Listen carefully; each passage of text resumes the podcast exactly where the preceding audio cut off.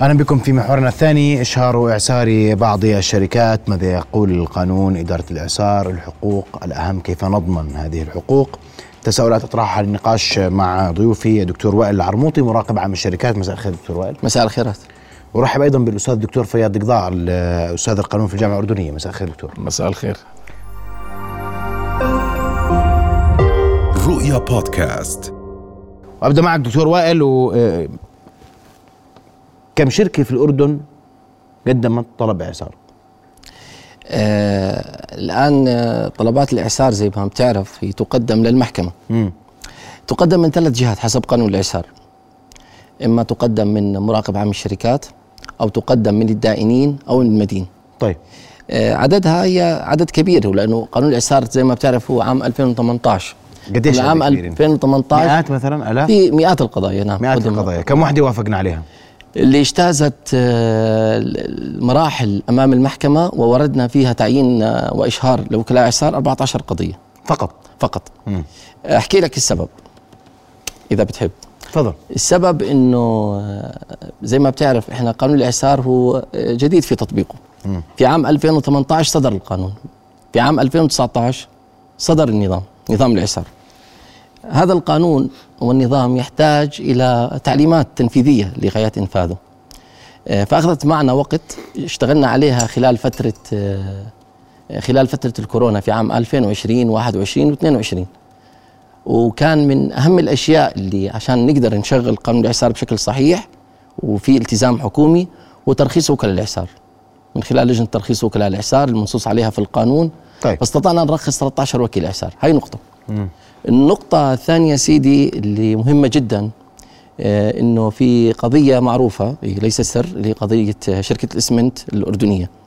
آه زي ما بتعرف قرار التمييز للهيئة العامة اللي صدر آه كان هو له أثر كبير في فتح آفاق تطبيق قانون الاعسار زي ما بتعرف كان كثير من القضايا ترد شكلا لأنه كان في مدة هي مدتها شهرين. كان إذا كان يعلم المدين أن أنه هنا في حالة إعسار أو إعسار وشيك فكانت ترد دعوة آه، من قبل المحكمة. في محكمة التمييز في قرارها الأخير اللي هو فتح الباب أمام تطبيق قانون الإعسار أشار أنه هذه المدة مدة تنظيمية وليس مدة سقوط. طيب. بالتالي يعني تهيأت الفرصة في طيب. قرار التمييز الأخير م. وفتحت الآن الأبواب لتطبيق قانون الإعسار. كويس. دكتور فياض وأنا في فرق اليوم مش مفهوم عندنا. لما تسمع الشركة الفلانية تعلن اعسارها يعتقد البعض إنها أفلست صح؟ صحيح. وسكرت والحقوق راحت والفلوس راحت والله يسر. صحيح؟ غير صحيح؟ وشو اللي فرق؟ أعلن إفلاسه أعلن اعساره والله. شكرا سيدي آه، أنا أنا فعلا بأيدك إنه بجوز المفهوم العام للإنسان غير المتخصص إنه اعسرت الشركة يعني الشركة خلص راحت وبالتالي الدائنين لحقوا حالكم ممكن تلحقوا أو ما تلحقوا شيء لا. لأنه في فرق كبير بين الإفلاس والإعسار. الإفلاس بالسابق الشركة تفلس عندما تتوقف عن دفع ديونها الحالة. هلا يعني لا تستطيع أن توفي بالتزاماتها.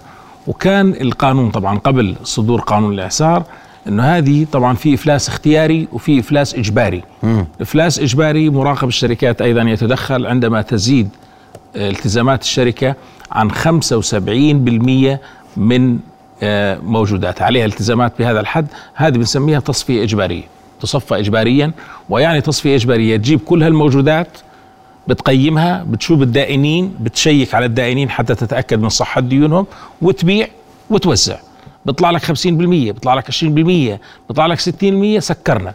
وبعد ذلك هاي الشركة بعد ما توزع وتنتهي وكيل الإفلاس في الإفلاس يكتب تقرير إلى مراقب الشركات إنه إحنا الشركة صفينا وخلصنا فبدنا نغلقها وتغلق وتروح. الآن هذا المفهوم الجديد الاعسار لا.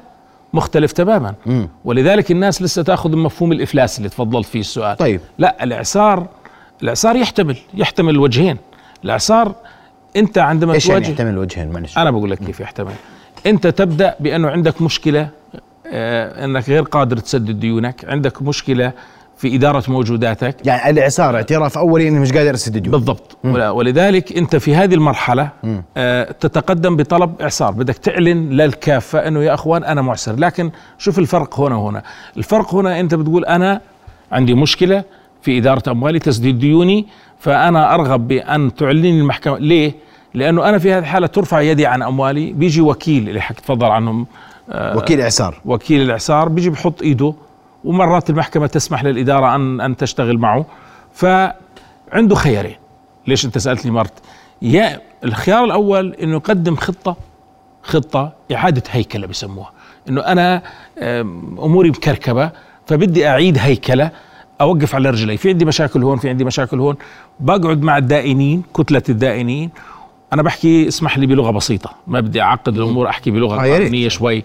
مشان ال- المواطن العادي. والتاجر العادي اللي وفي كلام قانوني كثير بالموضوع لكن إحنا نبسطها الآن لما نصل إلى هذه المرحلة إحنا مع الدائنين ممكن تجتمع مع الدائنين. تقول لهم يا إخوان أنا وضعي الآن صعب لكن إذا صار كذا وكذا وكذا عندي خطة أنا ممكن أوقف على رجلي وأمشي وأسدد ديوني. لكن أنا بدي منكم تتعاونوا معي. ونعمل تسوية على بعض الديون نعمل ممكن خصم بالنسبة للبنوك على الفوائد ممكن نعمل إعادة جدولة على الديون ممكن كذا. يعني أنا في عندي طريقة إذا بتريحوني من الدعاوى بالمحاكم والتصفية وإلى آخره أنا باخذ نفس بعيد ترتيب أوراقي بإشرافكم. وبإشراف مين؟ مش أنا اللي بضحك عليكم بحاول أشتري وقت لا. بيكون عندي وكيل الإعسار معي موجود تحت رقابة محكمة فالدائنين إذا رأوا أن الخطة المعروضة خطة قابلة للحياة بيوافقوا وتمشي الشركة. واللي تفضل فيها آه، يعني أول أول قضية اللي هي قضية الإسمنت لافارج. يعني أنا كنت المحامي فيها لو وكيل الشركة في في طلب الإعسار وإحنا ما كان هدفنا إنه ولا نصفي ونفلس. هدفنا إنه نعمل إعادة هيكلة والآن خطة إعادة هيكلة ماشية وجيدة. الآن هذه الخطة ممكن أستاذ محمد تمشي. وتعيش وتوقف الشركة على رجليها وتكمل وممكن ما تعيش. ممكن الشر... الخطة تكون يعني ناقصة. هنا بروح على الجانب الآخر. إذا إذا لم يقتنع الدائنين فشلت الخطة ممكن أروح على الافلاس اللي هو يعني مش إفلاس بمعنى إفلاس بمعنى إنه أنا أصفي وأروح. فلكن يعني يجب أن يقتنع الدائنون اولا آه. وأن يقدم في- خطة في واضحة. تصويت في نسب معينة للدين وفي يعني فيها إجراءات قانونية كثير لكن ببساطة إنه أنت تقنع كتلة الدائنين الناس الأساسيين يا أخوان أنا عندي مشكلة لكن أنا مشروعي قابل للحياة.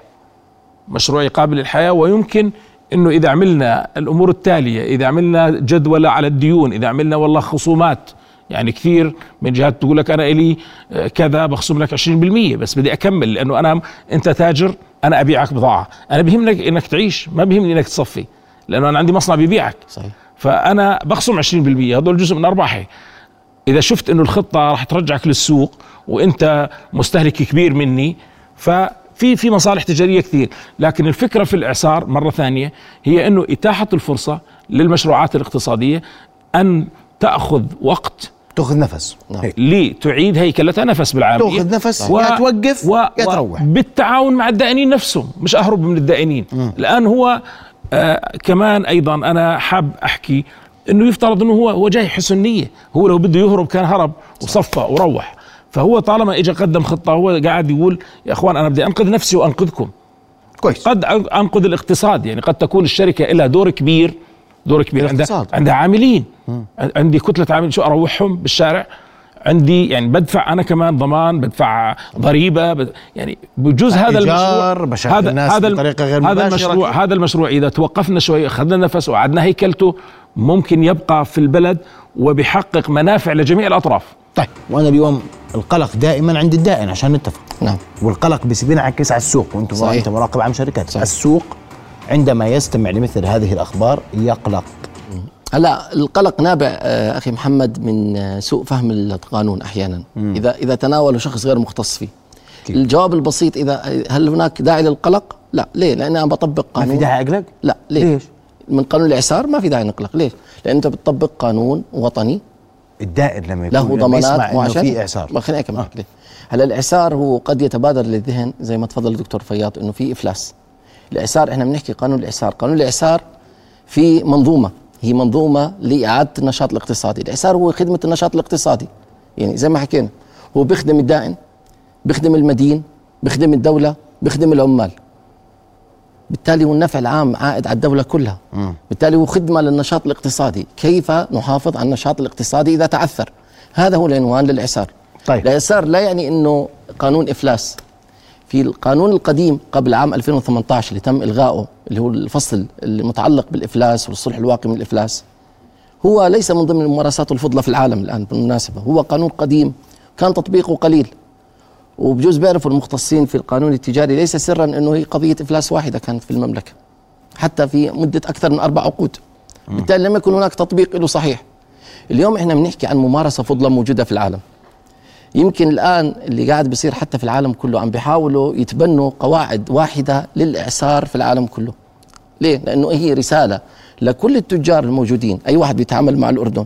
يعني أنا عندي قواعد موجودة للاعسار هي تشابه القواعد الموجودة عندك موجودة في العالم كله. بالتالي هذا التناغم في التشريعات زي التناغم في أي تشريعات مهمة في تطبيق لأساس تجاري. أنت برأيك اليوم ما في داعي للقلق؟ لا ما في داعي. ليه؟ لأنه أنت عم تعطي ضمانات حتى أكثر. يعني اللي الذي يذهب بشكل عام للإعسار هو شخص حسن نية بشكل عام. ليه؟ لأنه هو راح للمحكمة قدم طلب يقوم بحصر جميع موجوداته في الطلب الذي يقدمه يقوم بحصر جميع ديونه يقوم بحصر جميع مطالباته على الناس بكل أمواله ومنقولاته ويقدمها للمحكمة. ويقول أنا بحاجة إلى إعادة التنظيم بحاجة أن أخذ فرصة جديدة بحاجة أن أبقى بالسوق لا أريد أن أغلق لا أريد أن أنهي هذا المشروع أريد أن أستمر ولو بطريقة أخرى. أريد أن أحافظ على العمالة حتى العمال بحطهم. اليوم إذا بننظر للقرارات اللي اللي بتصدر الآن من المحاكم في الإعسار ممكن تلاحظ كم الوعي آه، لدى الغرفة الاقتصادية عندنا في المملكة. وعي كبير بأهمية الإعسار. يعني هناك فلسفة تكتب في متن القرار. أن قانون الإعسار هو جاء لخدمة الشركات وأن الشركة هذا قرار يكتب الآن إذا بتقرأ موجود يعني ليس سر موجود في القرارات المنشورة. وأن الإعسار هو جاء لمصلحة هذه الشركة وأن الشركة هي شيء مهم في المملكة لغاية استمرار النشاط الاقتصادي وخدمة أبناء الوطن. وحفاظا على ممتلكات هذه الشركة والعمال الذين عددهم كذا. يشير إذا العمالة عددها ألف أو ألف ومئتين للحفاظ عليها وللحفاظ على الدائنين والحفاظ على المدين قررنا أن نوافق على إشهار العسار ضمن الشروط اللي حددها القانون. فيقوم بدعوة الدائنين في نفس القرار. يقول على جميع الدائنين أن يتقدموا خلال شهر بطلباتهم لدى المحكمة حتى نقوم بحصر مطلوباتهم ونقوم بتسديدها. مش ما نهرب منها. برضو يقوم كيف تسديدها؟ تسديدها ضمن ضمن القانون. هلا في أولويات للتسديد. مم. يعني كيف اني أسدد الديون والتفاوض عليها؟ يعني أنا بقول لك أنا عندي وعاء مثلا عندي مليون دينار. ما بقدر أسد 2 مليون. بس إذا بتصبر علي سنتين بسدد. إذا بتصبر علي ثلاث سنوات بسددك بتفق أنا وياك على فائدة معينة بتفق أنا وياك على طريقة سداد. أيضا في نفس القرار يكتب إنه دعوة لجميع المدينين لتسديد الديون وايصالها إلى وكيل الاعسار ويكلف وكيل الاعسار وكيل الاعسار يخضع إلى رقابة. بجزء أنا حكيت لك أول ما بلشنا آه وكيل الاعسار هناك رقابة أكثر من رقابة عليه. رقابة لدى دائرة مراقبة الشركات من حيث هم أشخاص مؤهلين خضعوا إلى تدريب خضعوا إلى امتحانات إلى ترخيص من لجنة. يرأسها وزير الصناعة والتجارة. نائبه معالي وزير العدل مع حفظ ألقابهم. عضوية مراقب عام الشركات. عضوية رئيس غرفة تجارة الأردن. هذول برخصوا وكل العسار الأسس والإجراءات تمر على هذه اللجنة. طيب. فإحنا شركاء نحن كجهة منظمة للإعسار كدائرة مراقبة شركات وحكومة أيضا شركاء في المسؤولية مع مع الجهاز القضائي، الجهاز القضائي الذي يقوم بتقرير الاعسار وأن يكيف واقعة الإعسار إذا كانت صحيحة.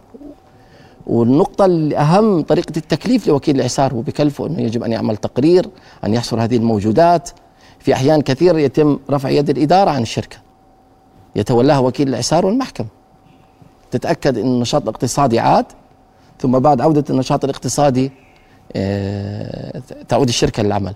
قد تعمل بعدد عمال أقل أحيانا قد تعمل بطريقة بغايات أخرى قد تدمج مع شركة شقيقة لها قد يعني في حلول كثيرة تتأتى للخبراء الاقتصاديين خلال فترة الإعسار بس يا دكتور أنت كل هذا مرتبط بموافقة الدائنين؟ في موافقة الدائنين نعم. لازم وبنسب محددة في نسبة. مش إنه يعني الكل بده في هيئة عامة للدائنين يدعى الدائنين لهيئة عامة. وهي الهيئة العامة للدائنين بيناقشوا. يعني لا يمكن إنك أنت تمشي في الاعسار دون موافقة الدائنين. هو نشاط اقتصادي وجد لمصلحتهم. يعني هو ليس غبن لهم. في النهاية الدائن يقدم طلبه. يعني صحيح الإعسار وفي ناس بيخافوا بقول لك الإعسار يا عمي بيوقف الحجز ويوقف التنفيذ ولا تسمع الدعاوى خلاله لكن هذا كله يقدم إلى محكمة الإعسار. يعني تستطيع أن تقدم مظلمتك بشكل كامل إلى القاضي الإعسار ووكيل الإعسار ويستطيع أن ينظرها. وبالتالي حقوق الناس مضمونة. ليش بحكي لا داعي للقلق؟ لأنه جميع الأشياء مضمونة. في عندي قانون قوي. هو إعسار معناته فيش أصول صحيح؟ لا ابدا بالعكس. في أصول. هو سيدي الإعسار مفهومه. إذا أنت أصبحت غير قادر على أن تقوم بأداء ديونك بشكل منتظم. يعني أنت عليك دين أجار مثلا ألف دينار وعمال 500 دينار وكهرباء 200 دينار. أصبحت لا تستطيع أن تؤدي الكهرباء في وقتها ولا تستطيع أن تعطي العمال في وقتهم. ليه؟ لأنه عندك مطالبات أكثر من دخلك. من دخلك. أو إنه أصبحت أنت ما تعرضت لهي لكن لما أجيت أنت والماليين عندك وجدت إنه مطلوباتك أكثر من أموالك. يعني مطلوب منك 2 مليون ومعك مليون. معك مليون ونص مثلا. اليوم. فأنت تلجأ للاعسار مثلا. طيب. على فتلجأ للاعسار عشان أحل الأزمة. عشان حل هاي الأزمة. فقط. طيب. هاي نقطة حقوق الناس. سيدي آه، يعني الدكتور حكى أنا بدي أضيف بس نفس بنفس النقطة إحنا بنجاوب. مرات كمان عندك موجودات لكن هذه الموجودات غير سائلة. صحيح. يعني هذه الموجودات انت مش قادر تديرها يعني الموجودات قد تزيد عن المطالب لكن انت ال- الدفع الحالي الآن مش قادر. ليه؟ لأنه أنا عندي عقارات هي العقارات مش ماشية وبالتالي يعني آه، بدي أدفع بس أنا توقفت يعني مش قادر أسدد التزاماتي. فممكن يكون في عندك خطة إعادة هيكله بيجوا الدائنين بيقول لك إحنا ما عندنا مشكلة هاي العقارات بنعمل فيها واحد اثنين ثلاث أربعة إحنا الدائنين. أما إنه أنت تهمل الدائنين على سؤالك إنه لا بدون موافقة الدائنين لا ما في احصار بالضبط ما في إعادة هيكلة تحتاج. مشان هيك إحنا بنقول ما في خطورة على الدائنين لأنه أنت يا الدائن بتدرس ال- الهيكلة. هذا نصاب الزلمة عم يعطيني خطة غير قابلة للتطبيق ولا يمكن تطبق ولا يعطيني خطة ممكن أنا مستشارين الاقتصاديين بيقول لي لا أوكي. ما في مشكلة أنا بسامحه ب 10% 20% خليه يوقف على رجليه. بالمستقبل ال- ال- القريب أو البعيد أنا راح أحقق هاي الأرباح وبالتالي بيهمني هذا المشروع يبقى. هلا في دول أخرى يعني أنا أنا بحكي إذا بدك حتى مقارنة يعني بال 86 بريطانيا كان عندها آه، قانون جديد متطور اللي إحنا هسه بنعتبره إعسار. طبعا هم قوانينهم قديمة بال- لكن آه، نفس الشيء بقول لك حتى أنا إذا بدي أبيع المشروع تصور ليش؟ دائنين. في فرق بين أنا كل واحد منا يروح يرفع دعوة هذا يرفع دعوة هذا يحجز وهذا ونتزاحم مع بعض ونعمل مشكلة كل واحد من جهة وبالتالي واحد بياخذ واحد ما بياخذ. وبين أنت تجمع كل الناس تجمع كل الناس وتجمع كل الأموال وتقول لهم تفضلوا. في إعادة هيكلة ممكن ننجح. ممكن يقول لك ما ما في ما ما بدنا ننجح. طيب ما ما لما ممكن تنجح ما راح نوافق لك. طب ماشي بدناش نصفي ون- ونفلس. بدنا نبيع المشروع كله كوحدة واحدة وبدال الآن هو بيسوى 50% من قيمة آه، مثلا كذا 5 مليون. لو بعناه بيجيب 7 مليون. فبالتالي أنا حصتي كدائن بدل ما أخذ 50% باخذ 70% يعني هذا إذا أنا ما بدي أفكر في إنه إنه المشروع يمشي. بدي أبيعه بسموه ب- باللغة الإنجليزية as going concern يعني أبيعه قائم مشروع قائم. مشروع قائم مش مصفى. التصفية يا أخي الآن أنت هسه كلنا بنقول نبيع بالمزاد العلني. بتبيع شقة عندك بالمزاد العلني ما بتجيب 50% وإن كانت فكرة البيع بالمزاد العلني أن أجيب أفضل الأسعار بس بالواقع العملي ما بتجيب أكثر ما بتجيب. لو جيت أنت للبنك اللي اللي حاجز عليك وقلت له بقى تعطيني نفس بدي أبيع الشقة هيك بطريقة يعني مش آه، بالمزاد العلني. أنا بدي. أبيعها عن طريق سمسار أراضي. وأقول لك والثمن يدفع عندك بالبنك. إذا كنت بدي ابيعها ب 60 بالمزاد العالمي بجوز تجيب 70 بجوز تجيب 80 الآن المشروع نفسه فلذلك أنا بقول لك لا ما في خوف ما في خوف.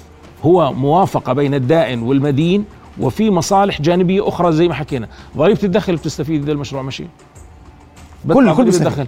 كل المو... الموظفين أنا صح الموظفين لهم أولوية. لكن تصور أنت عندك موظف تقول له مع السلامة روح وتعال ارفع دعوة. حتصير فقط لك دعوة. حقوق عمالية بقيمة صحيح. مثلا آه، 5000 تأخذ لك 2000 مش. من مصلحته؟ طيب. يعني واضح الأمور هي آه، الإعسار أكثر طمأنينة من الافلاس على أقل تقدير وهو يعني فرصة واليوم في شهر وفي مدد قانونية وفي إجراءات قانونية تحكم المشهد صحيح. في قادم الأيام. بدي أشكركم وشكرا ضيوف الكرام شرفتوني بحضوركم ليلة. رؤيا بودكاست.